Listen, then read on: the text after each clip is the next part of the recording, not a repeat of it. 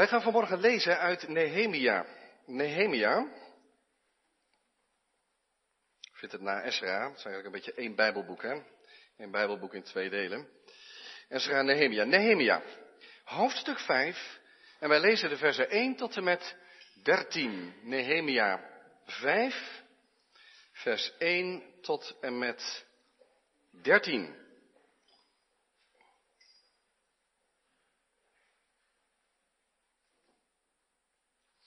Dan lezen wij Gods woord als volgt. Er ontstond een luid geroep van het volk en van hun vrouwen tegen hun broeders, de Joden. Er waren er die zeiden, onze zoon en onze dochters en wij zelf zijn met veel. Dus moeten we een graan zien, moeten we aan graan zien te komen, zodat we kunnen eten en in leven blijven. Ook waren er die zeiden, wij staan op het punt onze velden, onze wijngaarden en onze huizen tot onderpand te geven, zodat wij aan graan kunnen komen en tegen de honger. Verder waren er die zeiden, wij hebben geen geld geleend, wij hebben geld geleend voor de belasting aan de koning op onze velden en onze wijngaarden. Wel nu, zoals het vlees van onze broeders is, is ook ons vlees. Zoals hun zonen, zijn ook onze zonen. En zie, wij staan op het punt onze zonen en onze dochters aan de slavernij te onderwerpen. En er zijn er van onze dochters die al aan de slavernij zijn onderworpen. En dat buiten onze macht. En onze velden en onze wijngaarden behoren aan anderen toe. Ik ontstak in hevige woede toen ik hun geroep en deze dingen hoorde. Ik ging bij mezelf te raden en ik riep de edelen en de machthebbers ter verantwoording en zei tegen hen, u leent geld uit tegen rente, ieder aan zijn broeder. Vervolgens belegde ik een grote vergadering tegen hen. Ik zei tegen hen, wij hebben onze broeders, de Joden, die aan de heidevolken verkocht waren, teruggekocht, zoveel als in ons vermogen lag. Gaat u nu weer uw broeders verkopen, zodat ze weer aan ons zouden worden verkocht? Toen zwegen zij en vonden geen antwoord. En ik zei, wat u doet is niet goed. Moet u niet wandelen in de vrezen van onze God vanwege de smaad van de heidevolken, onze vijanden? Leno, ik, ook ik, mijn broers en knechten geld en graan aan hen tegen rente, laten we toch deze rente achterwege laten. Geef hun toch vandaag nog hun velden, hun wijngaarden, hun olijfbomen en hun huizen terug. En ook het honderdste deel van het geld en het graan, de nieuwe wijn en olie die u hun leent. Toen zeiden ze, we zullen het teruggeven. En we zullen niets meer van hen eisen. Zo zullen we doen, zoals u het zegt. Toen riep ik de priesters en ik liet hen zweren om dien overeenkomstig te handelen. Ook schudde ik de plooi van mijn mantel uit en ik zei, zo mogen God elke man die dit woord niet gestand zal doen, uitschudden uit zijn huis en uit zijn arbeid. En zo mogen hij uitgeschud en leeg zijn. En de hele gemeente zei, Amen. En zij prezen de Heere en het volk handelde dien overeenkomstig. Tot zover lezen we Gods woord voor deze dienst. Zalig zijn zij die het woord van onze God horen en geloven en daaruit leven. Amen. Wij gaan zingen uit Psalm 146, ook een lied. Een lied over Jacobs God die tot hulp wil zijn en het recht der armen en verdrukten gelden doet. De tekst voor de prediking is Nehemia 5, het gedeelte zoals we dat hebben gelezen, vers 1 tot en met 13 van Nehemia Vijf. Gemeente van onze Heer Jezus Christus, jongeren, jongens en meisjes, broeders en zusters. Wanneer was je voor het laatst echt boos? Deze week nog? Vanmorgen? Echt woedend. Heeft iemand hier een week zonder boosheid gehad? Kan hè? Kan. Kan ook van niet. Boosheid is een hele sterke emotie. Voor mijzelf sprekend, meestal geen goede. Waarom ben je zo boos, denk ik dan? Ongeduldig of hoogmoedig? Jacobus schrijft de toorn van een man. Gek hè, dat hij over een man heeft. Soms denk ik dat ik weet waarom. de toorn van een man werkt Gods gerechtigheid niet. Er zijn heel wat aanwijzingen in de Bijbel tegen boosheid. Laat de zon niet ondergaan over je toornigheid. Maak het goed voordat de avond valt. Maar er is ook goede boosheid. Als je de Bijbel leest, kom je die al snel op het spoor. Want God zelf kan soms boos, toornig, woedend zijn om onrecht. Dat is geen verkeerde boosheid. Dat is niet zo'n emotie zoals wij wraak of, of boosheid en woede, ik zal je betaald zetten, beleven. Maar God is daar zuiver in. Noem het heilige verontwaardiging. Die je ook bij de Heer Jezus zag. Die man met die verlamde hand, die wil die genezen, maar de mensen zitten hem alleen maar in de gaten te houden dat hij dat toch niet op de Sabbat doet. En hij kijkt hem, dat is heel mooi, hoe doe je dat? Tegelijk bedroefd en toornig aan. Moet je proberen vandaag. En Jezus kon dat. Bedroefd en met toorn. Heilige verontwaardiging, omdat ze zijn vader niet begrijpen. En daarmee het hel van mensen in de weg staan. Denk aan Jezus. Wat voor blik heeft hij in zijn ogen gehad als hij die riempjes aan elkaar knoopt om het tempelplein leeg te vegen. De tafels met alle muntstukken erop omver te gooien. Verontwaardiging. Heilige verontwaardiging. Herkenbaar, ook dat, die boosheid? Niet omdat je trots gekrenkt is, omdat iemand jou tekort doet, maar om onrecht. Om onrecht. Ik ben vaak bang dat mijn boosheid de andere kant eerder opgaat. Dat het om mij gaat. Niet om God en de naaste. Dat we de verkeerde woede hebben. Dat we de goede woede missen. Want weet je, dat kan ook. Daar moet het vanmorgen ook over gaan. Dat, dat is namelijk ook erg. Dat er onrecht om je heen is. En je denkt, ach, ben ik mijn broeders hoede. Herken je dat ook? Dat er oneerlijkheid is en je denkt, ja, nou ja, dit is het leven. Het is, het ellendig in het leven soms. Het is wat het is. En dat laat je koud. Je kunt best goed aan de andere kant opkijken. Mensen worden onderdrukt. En het raakt je niet echt meer. Ieder zijn eigen leventje. Kijk, dan is gebrek aan woede erg. Misschien kent u die Franciscaanse zegenbeden. We weten niet precies waar die vandaan komt, maar ik wil hem u voorlezen. En vraag je eens af, zou dat mijn gebed kunnen zijn of kunnen worden? Zo gaat hij. Mogen God ons zegenen met ongemak bij gemakkelijke antwoorden, halve waarheden en oppervlakkige verhoudingen zodat we diep vanuit ons hart mogen leven. Mogen God ons zegenen met woede bij onrechtvaardigheid, onderdrukking en uitbuiting van Gods schepselen, zodat we mogen werken aan rechtvaardigheid, vrijheid en vrede. Mogen God ons zegenen met tranen, om te vergieten voor hen die lijden aan pijn, verwerping, honger en oorlog, zodat we onze handen kunnen uitstrekken en hen troosten en om in, in pijn en vreugde te veranderen. Om hun pijn in vreugde te veranderen. Sorry. En mogen God ons zegenen met dwaasheid. Om te geloven dat we verschil kunnen maken in de wereld. Zodat we kunnen doen waarvan anderen van zeggen dat het niet gedaan kan worden. Gebed om ongemak. Woede, tranen en dwaasheid.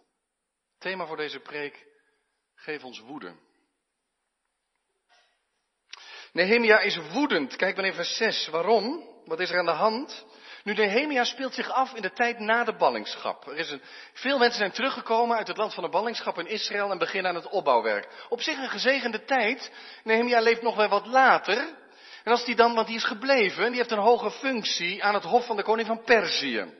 Inmiddels is het Babylonische Rijk overgenomen door het Perzische Rijk en hij heeft daar best wel een hoge politieke functie als schenker van de koning.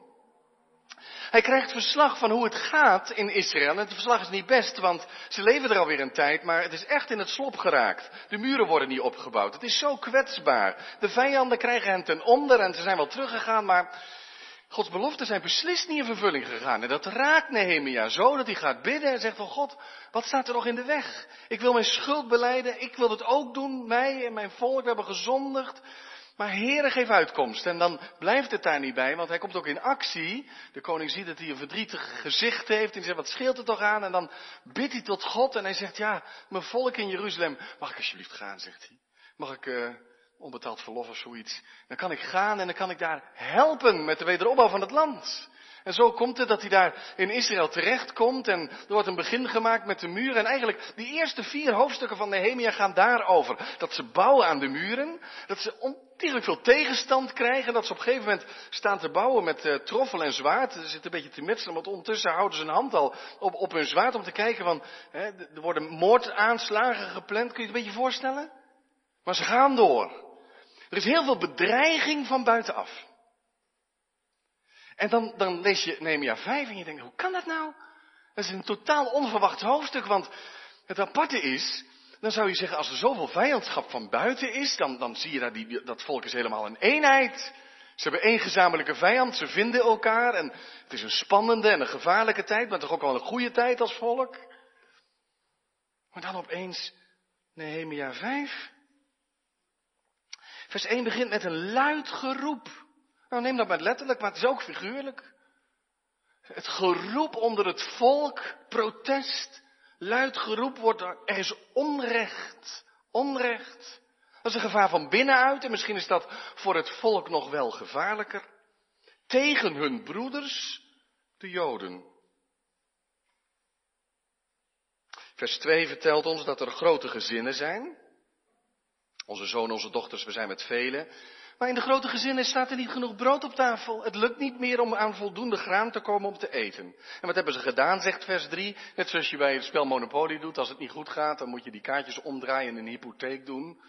Dat helpt dan heel even, maar je weet dat het uitstel van executie is meestal, want je verdient er niet veel meer aan. Maar dat was hier ook zo. Ze hebben op een gegeven moment gedacht, we moeten eten hebben, dan verkopen we maar een akker. Maar ja, dat schiet lekker op voor het volgende jaar. Dus dan, dan, dan ja, we moeten het maar doen, maar het is hopeloos. En dan komt er nog belasting voor de koning, vers 4 van Perzië. En dat hebben ze gedaan om die belasting te, te, te kunnen betalen. Hebben ze akkers en, en, wijngaarden en weet ik veel wat moeten verkopen. Ja, dan wordt de kloof tussen arm en rijk alleen maar groter. En wat deden ze? Dan gaan we geld lenen. En waar lenen ze dat? Bij hun volksgenoten. En dat is precies wat hier wringt. Want aan het begin van vers 5 staat. Zoals het vlees van onze broeders is ook ons vlees. Voel je waar de schoen wringt hier? En je zegt, nu zijn wij een volk.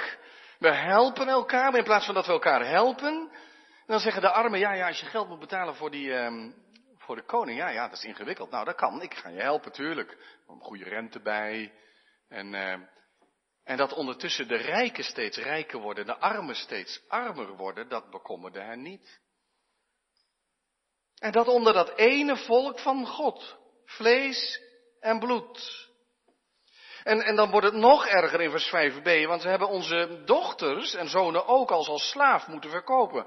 Sommige dochters zijn uitgehuwelijkt aan die rijke bazen, zodat ze weer een paar rekeningen kunnen betalen. Kun je je voorstellen wat de situatie is onder Israël toen?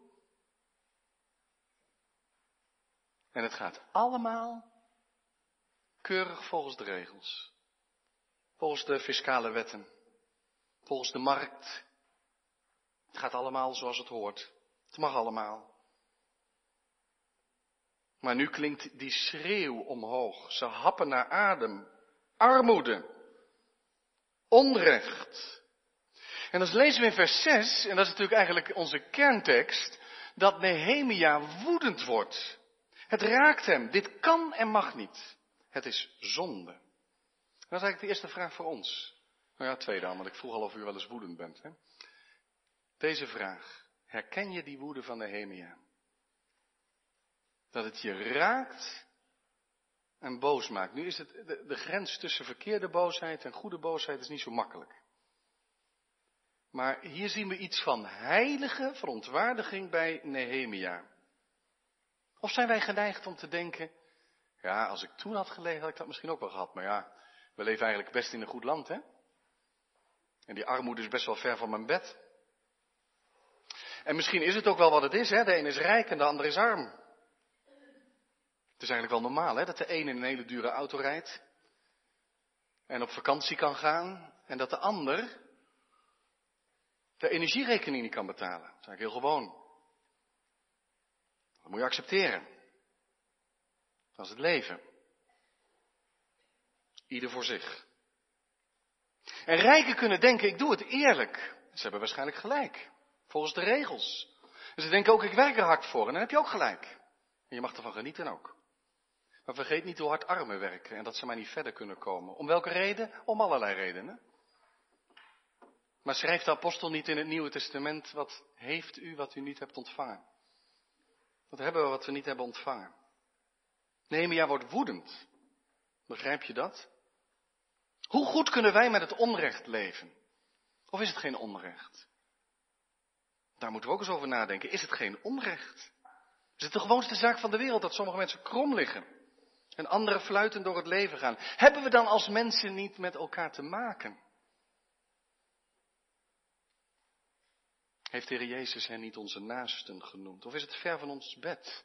Kun je soms denken, hè? ver van je bed, maar de mensenhandel vindt plaats hier in de stad. Gelukkig zijn er organisaties als Gerut, aan wie we verbonden zijn, die in Gods naam er wat aan doen. Je hebt machteloze woede, maar niet elke woede is machteloos. In vers 1 heb je machteloze woede, vermengd met een diep, diepe wanhoop en verdriet. Ze kunnen niks, ze zijn totaal machteloos. Ze roepen, ja tot wie? Tot God dan maar. En tot elkaar. En tot de machthebbers. Maar Nehemia is niet machteloos. Hij heeft een positie. Hij komt uit Perzië waar hij een hoge functie had. En hij voelt direct aan, je kunt er woedend over zijn, maar als je niks doet, dan klopt het ook niet, hè? Ik moet hier iets aan doen en dan zie je een zeven, je ziet hem nadenken. Ik ging bij mijzelf te raden, hij gaat echt er diep over nadenken. Wat, wat hebben we hier en hoe kan dit anders? Ik moet iets doen, dat kan niet missen. Wat is nu recht doen? Wat vraagt God van ons? Dat is voor ons ook een belangrijke vraag. Want, kijk, misschien heb je ondertussen al zitten denken, het is allemaal wel mooi, maar je kunt niet de hele wereld op je nek nemen. Dat is te veel. Er is zoveel ellende. Als je overal bij stilstaat, je wil het gaan doen. En ja, de keerzijde is dat je dat kan zeggen en ja, het is zoveel, maakt allemaal niet uit. Hè? Het is toch een druppel op een gloeiende plaat, het werkt niet uit. Laten we beginnen vandaag met gebed. Heer, aan wie kan ik die vraag stellen? Wat heb je nodig? Dat is niet groots, hè? En dat nadenken. Wie krijg ik op mijn pad? Geef aandacht aan mensen, hulp, advies waar nodig, liefde. Nehemia die gaat naar de machthebbers toe en zegt, mensen dit kan echt niet. Ik ga iets organiseren. Vervolgens organiseert hij een grote volksvergadering tegen de rijken die dit allemaal in stand houden. Over protestmarsen gesproken. Het is bijna een revolutie. Het gaat wel allemaal netjes in goede banen, maar toch. En Nehemia die zegt, mensen, dit kan toch niet? Jullie laten je eigen volksgenoten weer verkopen. Ik weet ook niet precies hoe dat ging, maar hij heeft het over het terugkopen uit de heidevolken. Soms gebeurde dat, dat in Israël kon je jezelf verkopen als je rekening niet kon betalen, maar dan werd je in het zevende jaar wel weer vrijgelaten. En dat gebeurde je niet. En als een, Israëliet in heidense handen kwam, dan ging dat volk kijken, crowdfunding of zo, weet ik toch veel hoe ze dat deden, maar dan gingen ze iemand terugkopen. En zegt, het is toch niet, het is toch onbegrijpelijk, we terugkomen uit ballingschap en hebben we niks geleerd? Helemaal niks geleerd. En dan worden onze eigen volksgenoten verkocht. Voor geld. Dat is niet goed, zegt Nehemia vers 9. Dat is niet goed. Moet u niet wandelen in de vrezen van onze God vanwege de smaad van de heidevolk, onze vijanden? Zijn we niet het volk van God? Moeten we niet zorg dragen voor elkaar? En dan spreken ze af, stoppen met rente. Dat doen we niet. We helpen elkaar. En wat je te veel gevraagd hebt, is net alsof Zacchaeus hier al om de hoek komt kijken. Je zegt, wat ik heb, dat, geef ik terug en ga, ga maar teruggeven. Dat geeft verlichting. Ademruimte. Dat is recht. Dat is eerlijk, nietwaar? Ja, is dat eerlijk? Wat is eerlijk? Ze deden toch volgens de regels? Of is eerlijk Dat wij mens zijn voor Gods aangezicht. En doen zoals Hij het wil. Heb ik ook over na zitten denken. Wat betekent dat voor ons? We hebben aan het begin van deze dienst uit Galaten 6 gelezen. Doe wel aan allen, doe goed aan allen, maar het meest aan de huisgenoten van het geloof. Dat wil zeggen, kijk, hier gaat het erom van, wij zijn toch elkaars volksgenoten. Dus op een bijzondere manier in deze wereld zijn wij aan elkaar verbonden. Mogen wij dat niet doorvertalen met dat we kijken naar medechristenen, de huisgenoten van het geloof? Zullen we beginnen binnen de gemeente? Hoe arm moet je zijn om iets van de kerk te ontvangen? Of zou er zoveel bemoediging en onderlinge hulp zijn als we meer zouden voorzien in noden? Ik zeg, ik het met een vraagteken. Het is niet altijd makkelijk. En we verlenen hulp, gelukkig. En dat doen we met dankbaarheid. Ook daarvoor geven we op een dag als deze onze diaconale gaven. Heeft apostel Paulus niet geschreven, als één lid leidt, leiden alle leden mee? We zijn toch een familie van elkaar, broeders en zusters? En wereldwijd vervolgde christenen voor hen opkomen en helpen waar nodig. er is misschien nog een, nog een tweede lijn. Niet alleen die huisgenoten van het geloof, maar in gelaten laten we ook doe goed aan allen. Want is het, kun je ook in zekere zin niet zeggen dat we allemaal kinderen van één vader zijn, in die zin.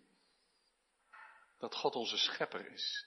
Is dat niet een van de meest fundamentele dingen die het christelijk geloof heeft naar voren gebracht, toen het christelijk geloof groter werd? Dat eigenlijk misschien wel voor het eerst gezegd werd dat alle mensen gelijk zijn. Ongeacht wat je achtergrond is, omdat je dezelfde schepper hebt. Goed, zat ook in het Oude Testament. Toch een diepe christelijke gedachte. Als een medemens hulp nodig heeft, is die je naast en kun je je daar niet aan onttrekken. Je kunt niet je schouders ophalen. Maar de Heer zegt, heb je naaste lief als jezelf. Hoe loopt het af? Het is eigenlijk prachtig hoe het afloopt. En het kan ook verkeerd gaan. Hè? Dat mensen zeggen, ja, bemoei je er niet mee. We zijn wie veel geld heeft, heeft ook veel macht en dan kun je het systeem in stand houden. Maar hier laten mensen zich aanspreken. Dat is geweldig. Heerlijk om te lezen. Dat ze zeggen, ze hebben geen woord om terug te zeggen. En dan zeggen ze op een gegeven moment, oké, ja, ja, nee, dat is eerlijk. Dat gaan we doen. Hadden we zelf eerlijk meer moeten bedenken misschien, maar ze doen het. En dan moest kijken waar het op uitloopt. En dan, dan, we zullen het teruggeven. We zullen niets meer van hen eisen. Zo zullen we doen, zoals u het zegt. En dan laat hij een priester komen, hij laat het ze zweren. En dan staat hij daar met zijn mantel te schudden. Een soort symbolisch gebruik van zo mag de Heer u leeg schudden. In je plooien van je mantel bewaarde je je portemonnee, bij wijze van spreken. Wij zouden zeggen, ik trek mijn zakken binnenste buiten. God zal jullie zo uitschudden als je er niet aan houdt. Oh, over duidelijke taal gesproken. En ze zeggen allemaal ja. Want kijk, wat staat er in vers 13? En de hele gemeente zei, amen. En zij prezen de Heer en het volk handelde zo. Iemand zei wanneer is de preek klaar? Wanneer is de preek klaar? En dan zegt iemand, nou als de dominee Amen zegt. Nou, zei iemand anders, misschien is de preek dan nog niet klaar. Misschien is de preek klaar als de gemeente Amen zegt. Anders is de preek nog steeds niet klaar. Als de gemeente Amen zegt en zegt, dat zullen wij doen. Dat en zij prezen de Heer en zij handelden ernaar. Dan is de preek klaar. Heerlijk is dat, dat als je recht doet, barmhartigheid en gerechtigheid najaagt, dat het uiteindelijk tot lof en eer van God is. Denk aan 2 Korinther 8 en 9, die hoofdstuk over het geven en zorgen voor de armen. Dan staat er, als je dat nou doet, dan geeft het jezelf vreugde. Maar ook omdat je weet dat waar de gift ontvangen wordt, er zijn broeders en zusters die gaan God ook weer prijzen. En oh, het, is, het is heerlijk aan alle kanten. God ontvangt de eer, zijn koninkrijk komt. Diaconaat tot eer van God. Geef ons woede. Is het thema van de preek. Geef ons woede. En daaronder de bewogenheid, de liefde van onze Heer Jezus Christus. Als je Jezus kent, zeg nou zelf. Dan is dat de dragende grond van je leven. Je kunt toch zeggen dat elke christen een besef heeft. Ik overdrijf niet, hè, als ik dat zeg.